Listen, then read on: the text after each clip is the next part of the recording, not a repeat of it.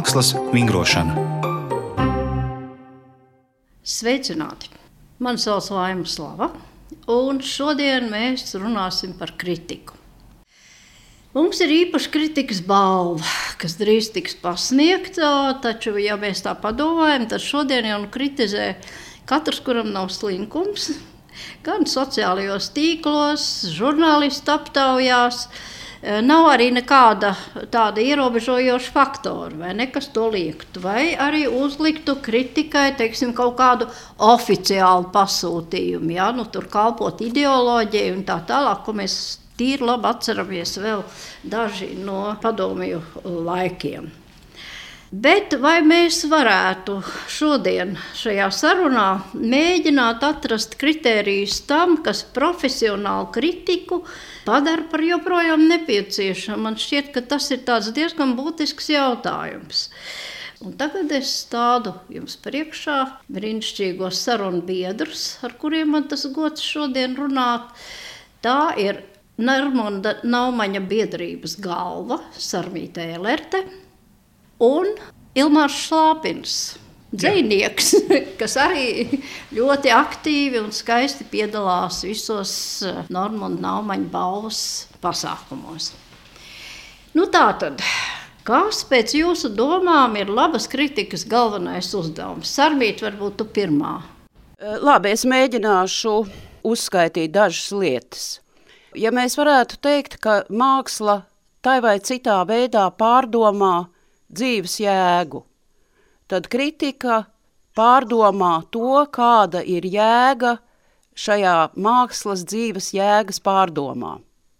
Laba kritika, un mēs tagad mēģinām runāt par labu kritiku, kvalitatīvu kritiku, pati par sevi ir zināms mākslas, zinātnes un publicistikas veids un labs sajaukums – Man liekas, ka viņas galvenais uzdevums ir trenēt manu prātu, spēt uh, nošķirt kvalitāti no sēnalām. Un vēl man liekas, ka laba kritika ir tāda, kas spēj savā formā, tātad rakstītā vārdā, notvērt un pārvērst to, kas ir redzams teātrī izrādē, gleznā, nevis aprakstīt, bet vārdos iztulkot. Teātri, kino, kas ir katrā šai veidā noteikta tēlainība. Es atvainojos, es tev gribētu mazliet pārjautāt, iebilst pirms es dodu vārdu Ilmāram. E, man nemaz negribas, ka man viss tā izskaidro. Es domāju, ka kaut kas varbūt ārpus tāda skaidrojuma ir svarīgākais, jo eh, mākslas jēga ir uh, dot impulsus, ja, manuprāt. Tev pašam domāt, uztvert un just, kā tas tur savienojas. Tad. Jā, un mākslas kritika ir mans vērtīgais sarunu biedrs. Ir tātad šī mana refleksija, Un tad es gribu vienu labu sarunu biedru, ar kuru kopā nu, izstrīdēties, piekrist vai nepiekrist. Tā ir cita lieta, es par to šobrīd nerunāju. Nu, un tad kopā mēs pārdomājam vēlreiz šo, šo mākslas faktu. O, brīnišķīgi, tātad kritiķis, sarunu biedrs, Ilmāra. Tam es pilnīgi piekrītu, un es uh, vienmēr esmu uzskatījis, ka uh, kultūras kritika un mākslas kritika ir veids, kādā mēs uzturam sarunu sabiedrībā par tām būtiskākajām lietām. Un šādā veidā mēs arī nodrošinām mākslas un kultūras dzīvotspēju, jo tas, par ko cilvēki nesarunājas, tas ātri vien pārstāja eksistēt, pazūd tajā pašā brīdī. Bet uh, Mākslas kritikai funkcija un nepieciešamība pēc tās ir mainījusies laika gaitā. Un, godīgi sakot, tas nemaz nav tik sens um, literārs žanrs. Praktiski nu, no 19. gadsimta vidus tikai var runāt par profesionālu mākslas kritiku. Un pa šo laiku jau ir krietni vien vairākas reizes mainījusies uh, mākslas kritikas funkcija vai misija sabiedrībā. No salonu sarunām par to, kuru gleznu pirkt, kuru nepirkt, kuru skulptūru iznīcināt, vai kuru nē. Mākslas kritika ir pārvērtusies par profesionālu zinātni, kas analizē, pēta procesus mākslā.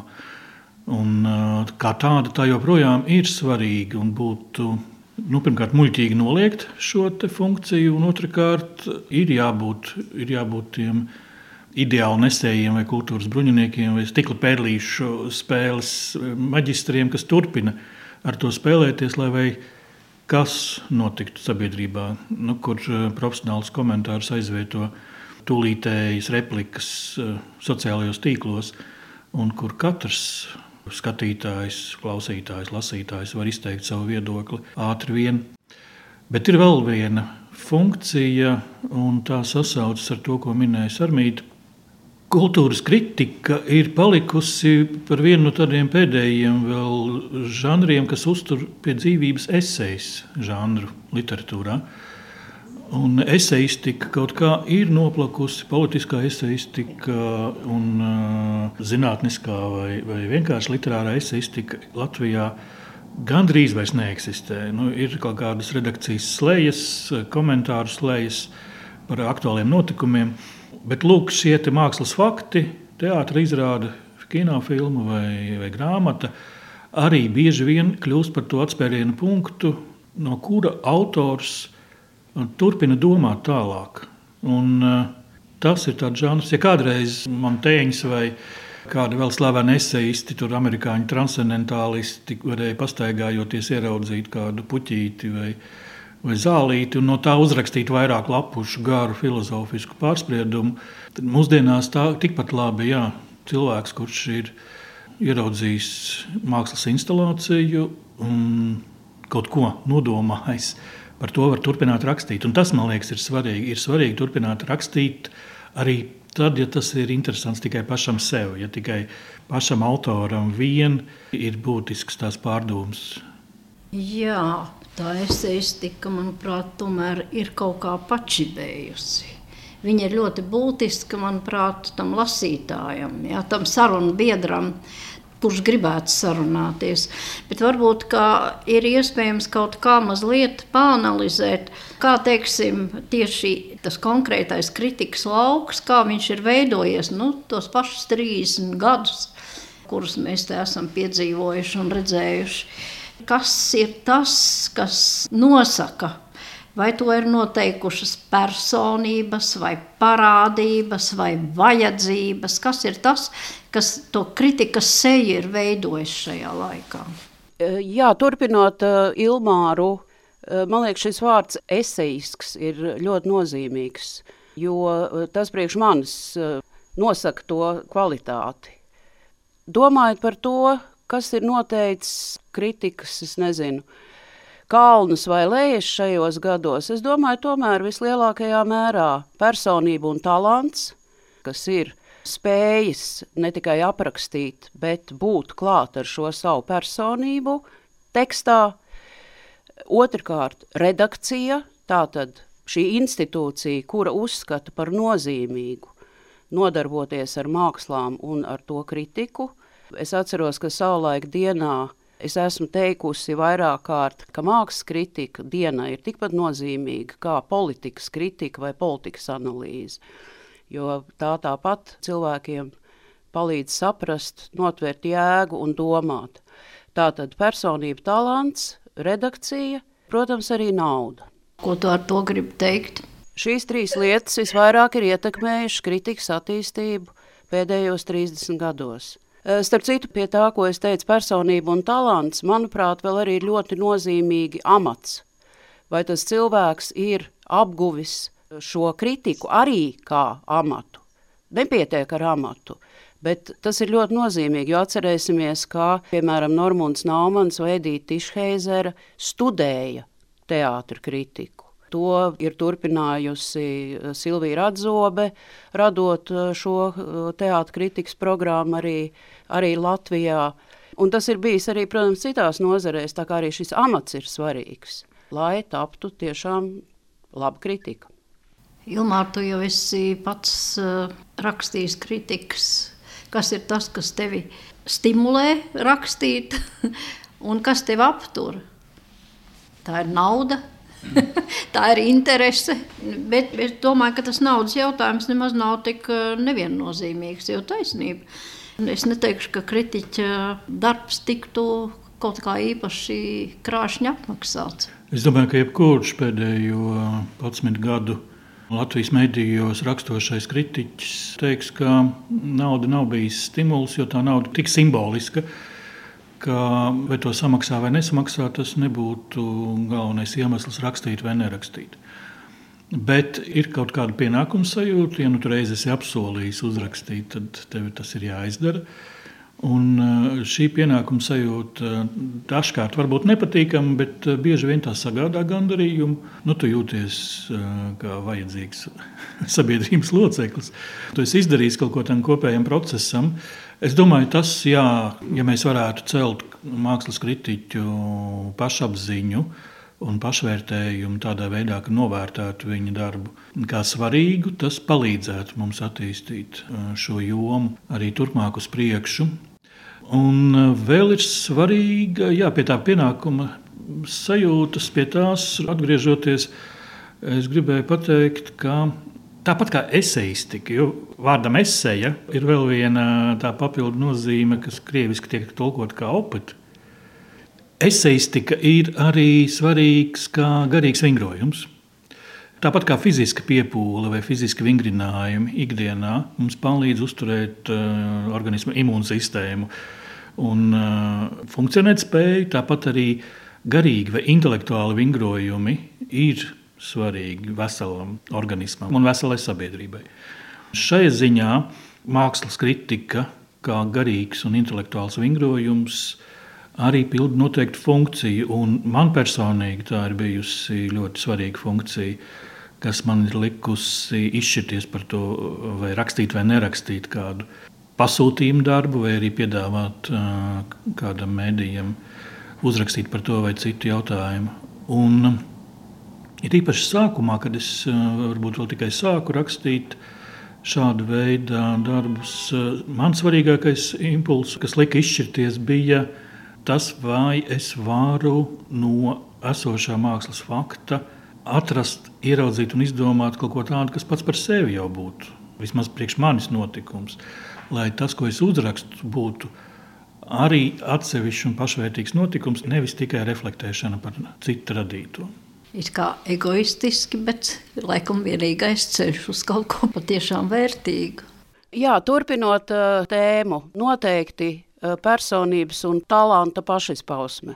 Griba izpausties, kritizēt, jo nevar nekritizēt, ja tā varētu teikt.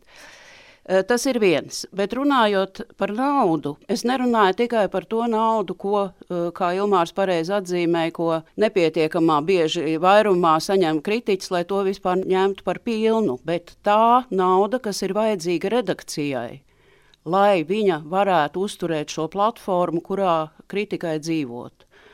Un ar šo lietu mums, diemžēl, pēdējos 30 gados ir gājis kā gājis, ņemot vērā kopīgās mēdīju problēmas.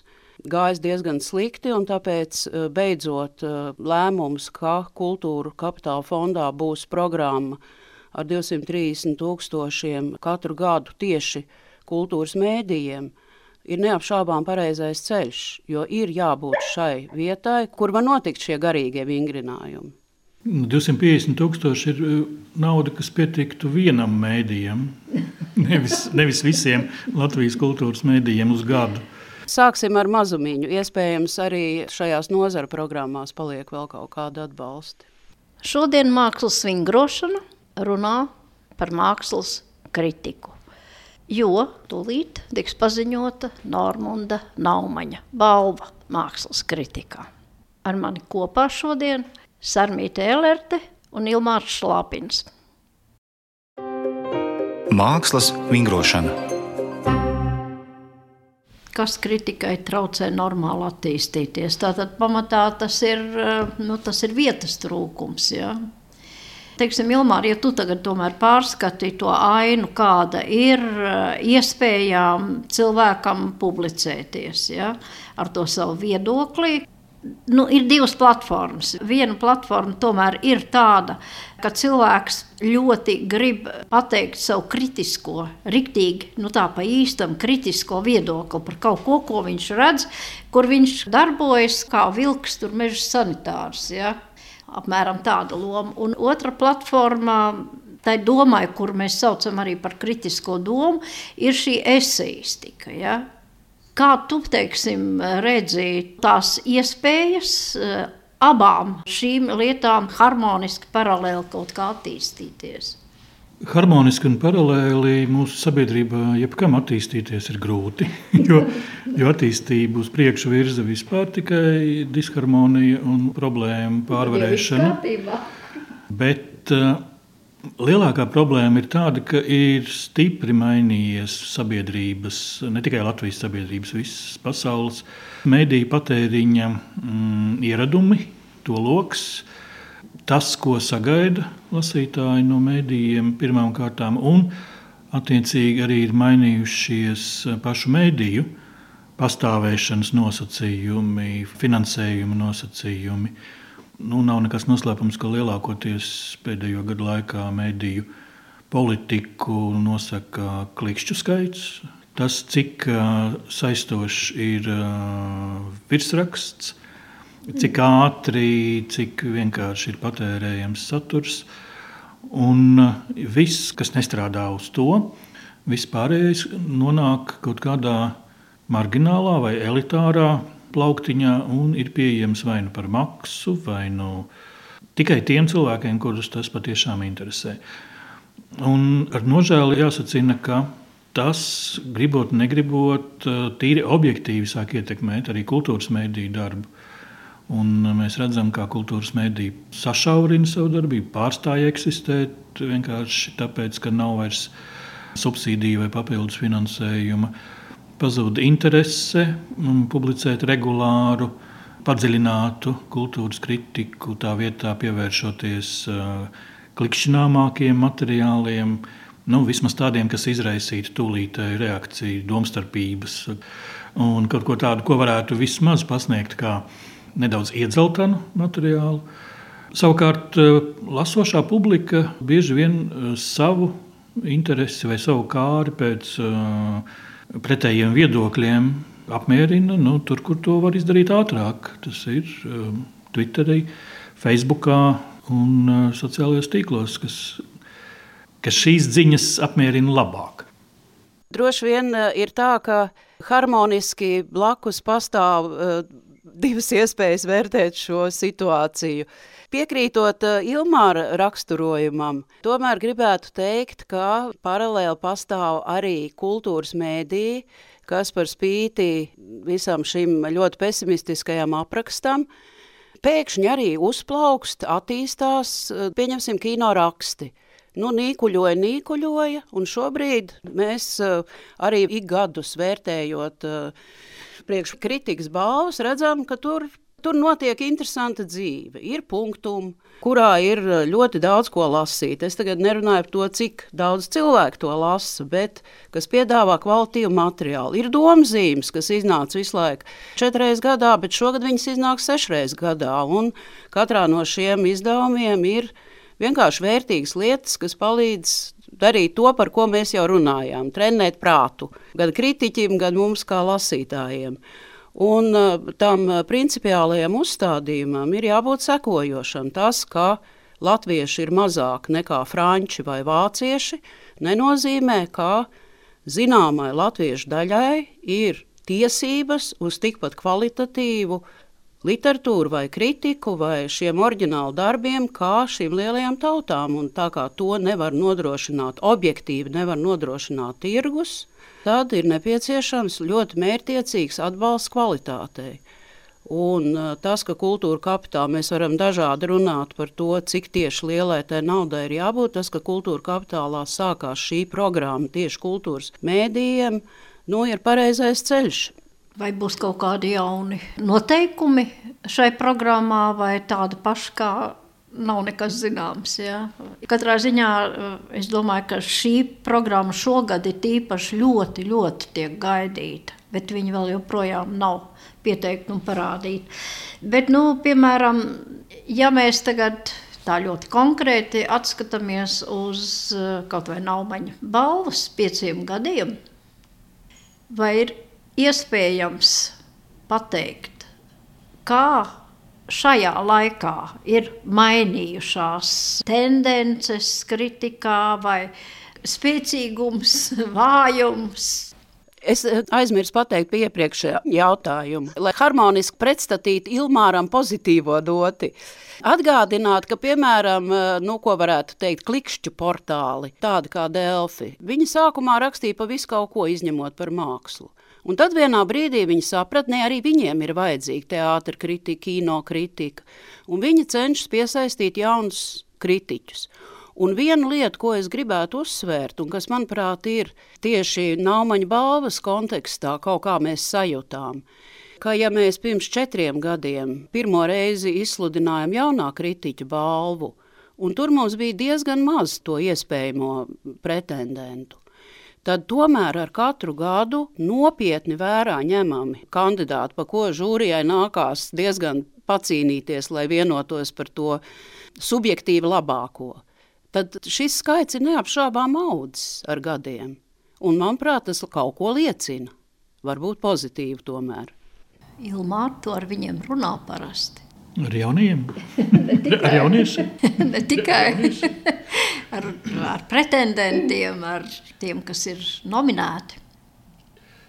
Jā, un runājot ar kritiķiem, apspriežot nu, arī to jau pieminēto motivāciju rakstīt vai vai jēgu šim darbam.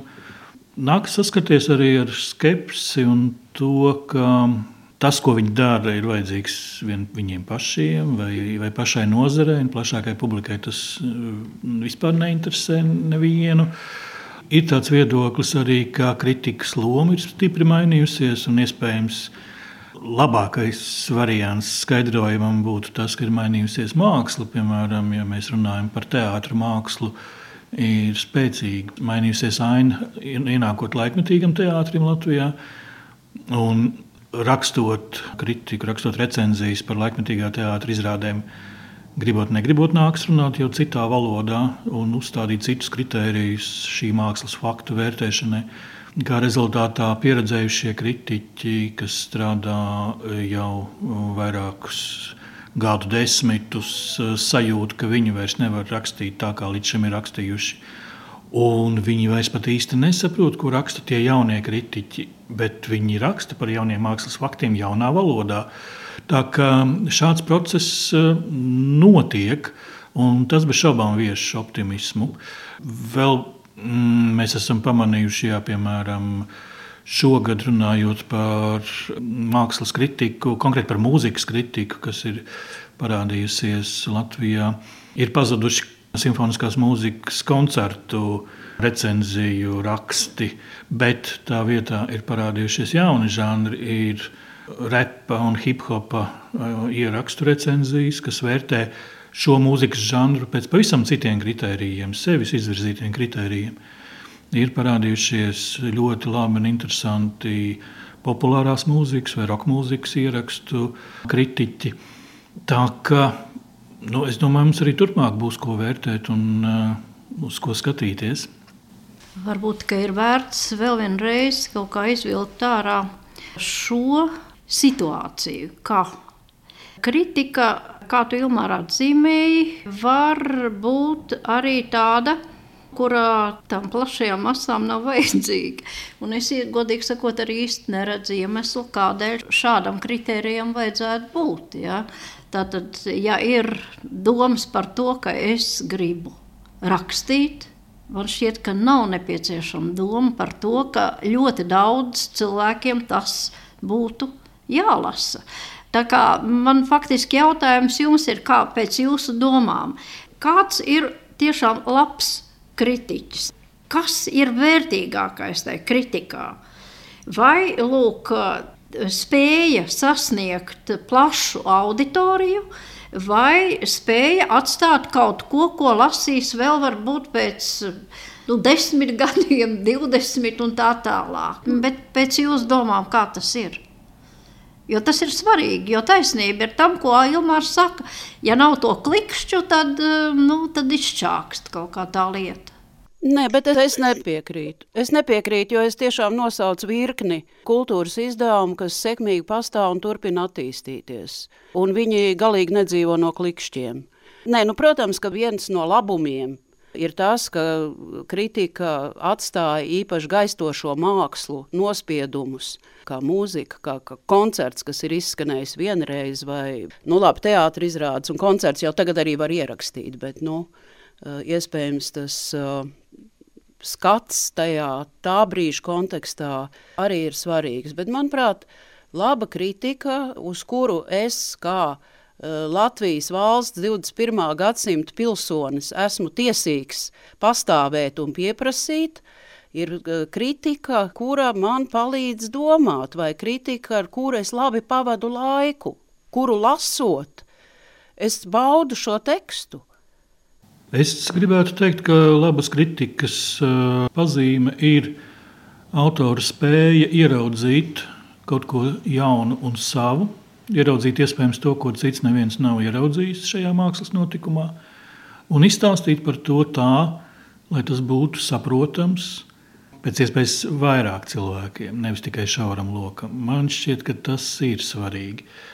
Spēt izstāstīt saprotami to specifisko, nesaprotamo, īpatnējo, ko tu esi pamanījis.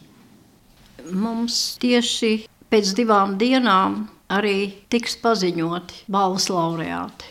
Varbūt jūs varētu katrs no jums raksturot tieši šī gada izvirzītos, nu, jūs nevarat vārdus saukt, tas ir pats par sevi, bet raksturot, kas ir konkrēts šajā gadā. Tas, kas mūs varētu uzrunāt tieši kritiķa pozīcijā.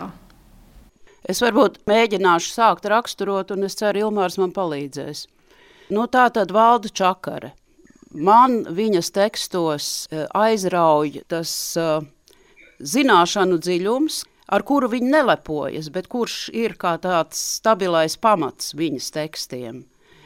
Un vienlaikus asprātība, šarms, spēja formulēt savas domas, notvert to, to būtisko un notvert arī nianses – kas ļauj man salīdzināt uh, manu viedokli ar viņas viedokli un uzzināt uh, visādas interesantas lietas. Santa Hirša, aizrautīga cīnītāja, viņas cīņas spars ir, manuprāt, tas, kas ļoti piesaista, tāda, zinām, kaujas gatavība, domas asums. Un uh, Ivars Steinbergs uh, varbūt uh, tieši šajā gadā To vārdu mēs īpaši ievērojām, tāpēc, ka viņš tiešām daudz ir arī rakstījis. Nu, tāds ļoti liels pamatīgums un spēja iedziļināties un atsekt to detaļu, eh, literatūra dzējas detaļu jēgu. Nu, ko es varu piebilst? Mēs uh, esam izvirzījuši šai balvai trīs kritiķus šoreiz, un uh, tie pārstāv, uh, neteiksim, ka radikāli dažādas paudzes, bet tās ir trīs dažādas paudzes. Kultūra kritikā un Valda Čakari pārstāv nu, tādu jau klasisku teātra kritikas skolu, kas ir augusi kopā ar nu, pēdējo padomju gadu paudzi. Un katrā ziņā spēja ļoti pārliecinoši un labi runāt par latviešu teātri tradīcijas kontekstā un saprast arī skatītāju vajadzības un sentimentu, un tā pašā laikā izvirzīt noteiktus kvalitātes kritērijus. Uh, Santa Hirša jau pārstāv um, paudzi, kas skatās globālāk un kas vērtē mākslu nešauri nacionālā aspektā, bet uzstāda nu, tā, vispār cilvēciskus kritērijus um, tam, ko dara mākslinieki. Ivars Steinbergs ir uh, jaunākais no viņiem, Tā ziņā, ka viņš nu pat atgriezies no studijām Amerikas Savienotajās valstīs un uh, ieguvis pieredzi rakstīt, runāt, lasīt uh, par literatūru un par dzēju. Pavisam citā jau tradīcijā, ar citu skatu. Un uh, viņa pieeja enerģiska, precīza, un uh, saprotama, tajā pašā laikā saprotama lasītājam, var sakārtot uh, un ieviest kaut kādu skaidrību tajā dzīslas procesā Latvijā, kas šobrīd notiek un kas ir pats par sevi diezgan interesants. Jo tieši pēdējo gadu laikā latviešu dzējā ir parādījušās jaunas vēsmas, jaunas parādības, par kurām ir vērts mēģināt runāt un saprast, kas tas īsti ir. Tā ka jā, trīs dažādi kritiķi un trīs dažādas, es domāju, arī pieejas tam, kas ir mākslas kritika. Tā ka mēs varam no viņiem daudz mācīties. Un jaunais kritiķis būs pārsteigums. Kā kuram? Paldies! Lai mums kritika plaukst un zeļ. Tas šodien arī viss. Mēs runājām par kritiku un domājām par tūlīt pasniedzamo Normonda Naumaņa balvu mākslas kritikā. Šodien mūsu raidījums ir izskanējis, to vadīju es Laima Slava. Mani viesi bija Normonda Naumaņa biedrības valdes priekšsēdētājs Armīte Elerte un Normonda Naumaņa balvas žūrijas priekšsēdētājs Ilmārs Šlāpins. Uz redzēšanos nākamreiz! Atbalsta valsts kultūra kapitāla fonds.